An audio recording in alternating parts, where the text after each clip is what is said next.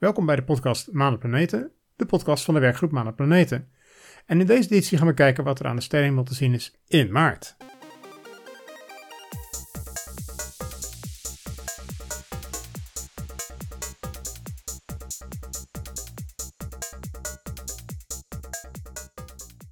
Een nieuwe maand, een nieuwe waarnemgids. Dit is de waarnemgids van maart. Wat is er allemaal te zien aan de sterrenhemel wat betreft de maan en de planeten? Nou, qua planeten hebben we Jupiter, die is nog steeds goed te zien, is natuurlijk ook altijd helder, maar die gaat zich wel steeds meer uit de voeten maken. Mercurius heeft in maart zijn beste optreden van het jaar. Op 24 maart is zijn grootste elongatie, dat betekent dat hij het meest oostelijk van de zon is. Dus ja, dat is de beste tijd om te bekijken in sterrenbeeld Vissen in de avond. Saturnus, Venus en Mars, die zijn allemaal niet waarneembaar. Uranus is nog wel waarneembaar met een telescoop dus, of met een verrekijker. Beter aan het begin van de maand. Kijk in het sterrenbeeld Ram. Neptunus is niet waarneembaar. De maan. Dan afnemende maan hebben we op 3 maart. Nieuwe maan, dat die helemaal donker is. Dat is op 10 maart. Wassende maan op 17 maart en volle maan op 25 maart.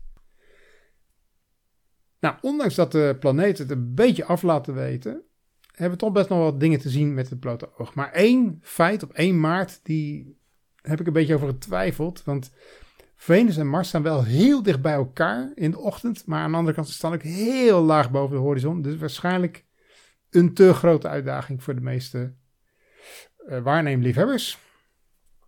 Nou, 3 maart dan in de ochtend, dan nadert de maan Antares in Schorpioen. Op 13 maart in de avond, dan staat de maan 4 graden van Jupiter. En even voor de goede orde, wat is een graad? Als je je hand op armafstand bekijkt, dan is een graad ongeveer de breedte van je pink. Dus vier pinken tussen de maan en Jupiter. Op 15 en 16 maart staat de maan 9 graden van Aldebaran van Stier. En op 16 en 17 maart om 22 uur staat de maan op slechts 1 graad van Elnat. En dat is een ster van Stier. Op 18, 19 en 20 maart staat de maan in de nabijheid van de sterren Castor en Pullix van tweelingen. En op 20 maart begint de astronomische lente. 21, 22 en 23 maart vind je de maan in de buurt van Regulus van Leeuw. En op 24 maart, zoals gezegd, heeft Mercurius zijn grootste oostelijke elongatie. Dus kort na zonsondergang in het westen, mm, met een beetje goede wil, kun je Mercurius zien. Op 25 maart om 5 uur 53 gaat de maan door de bijschaduw van de aarde. Dat is een, ja, een effect van de maansverduistering die wij helaas niet goed kunnen zien. Want dat, die bijschaduw dat is bijna niet te zien. Dat is onopvallend voor ons. Op 26 en 27 maart staat de maan bij opkomst in de buurt van Spica, ster van Maagd, op minder dan 1 graad. En op 30 en 31 maart begint de zomertijd. Of in ieder geval op de nacht van 30 op 31 maart. Misschien wat minder leuk voor astronomen. Maar gelukkig heb ik nog een andere hobby, fietsen. En daar is het wel weer fijn. Dus dat middelt zich een beetje uit. Ook staat de maan in de buurt van Antares in die nacht. Dan met de verrekijker en de telescoop. Nou, we hebben nog wel een bedekking van de maan van een ster op 15 maart om 19.40 uur. Dan bedekt de maan met de donkere kant Gi Tauri, dus van het sterrenbeeld Stier. Uh, de tijden zijn tijden in Utrecht, dus als je wat verder van Utrecht woont, dan kan het een paar minuten eerder of later zijn. Op 17 maart, en deze heb ik uit de Sky and Telescope, zijn een paar populaire zogenaamde clair-obscure effecten op de maan te zien. Dat zijn dus spelingen van de schaduw waardoor je bepaalde vormen ziet. Bijvoorbeeld de X en de V, die heb ik al eens eerder genoemd, die zijn overdag om 15.21 uur te zien. En op 23 uur 15 is het zogenaamde gezicht van Alba Technius te zien. Ik had hier nog nooit eerder van gehoord. En je denkt misschien, oh, het zijn twee kraters en een bergje en dan heb je ogen en een neus. Nee, je moet kijken naar de vorm van de schaduw. Daar zou een soort van silhouet van een gezicht in kunnen zitten. Nogmaals, nooit eerder van gehoord. Maar met een telescoop, ik zou het een keer proberen. Ook rond die tijd is, uh, die was nog obscuurder, is Nessie te zien in de krater Ptolemeus. Deze heb ik even grondig moeten zoeken, maar in de schaduwrand van de krater Ptolemeus kan een soort, soort kommaatje achter zitten en dat lijkt net op de, het monster van Loch Ness. Met een beetje fantasie.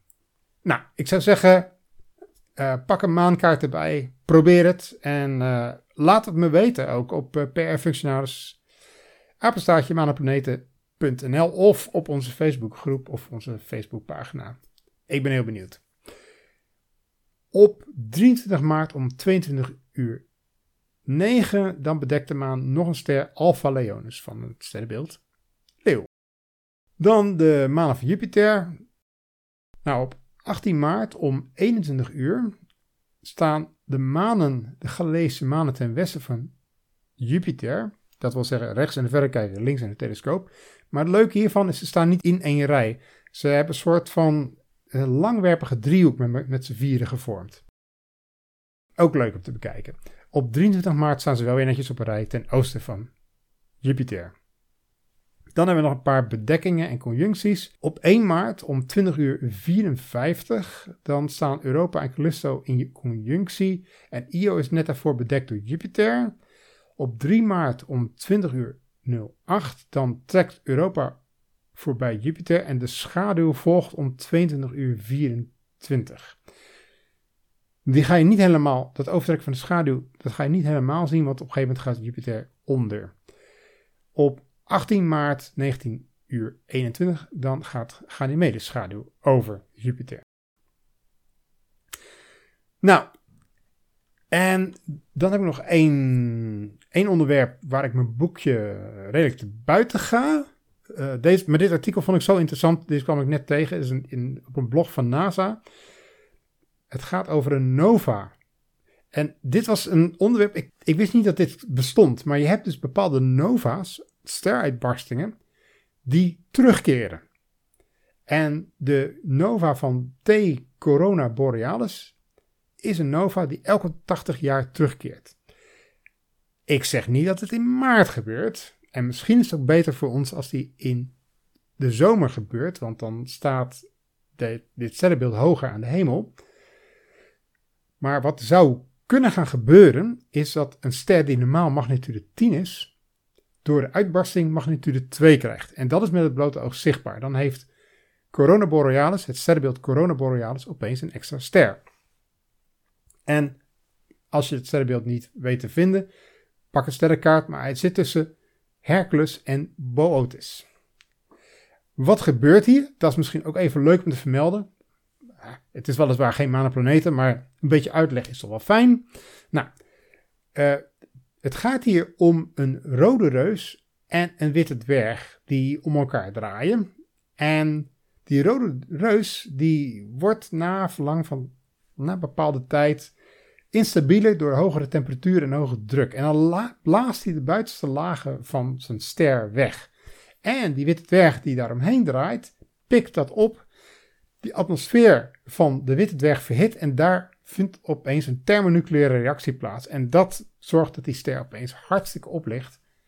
En je hebt je opeens dus een nova die heel goed zichtbaar is. Er schijnen vijf van dit soort terugkerende nova's in onze melkweg te bestaan. Dus dat vond ik wel interessant.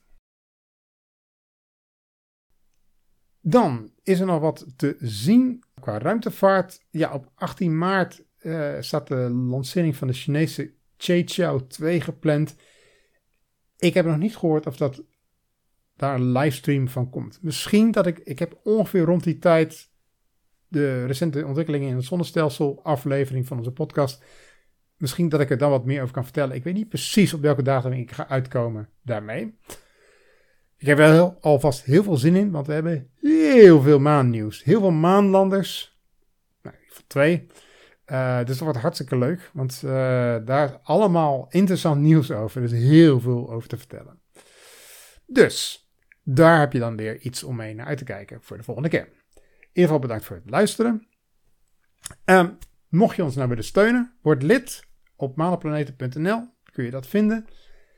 En heb je vragen, stel ze op PR-functionaris, maan en planeten.nl. En tot de volgende keer.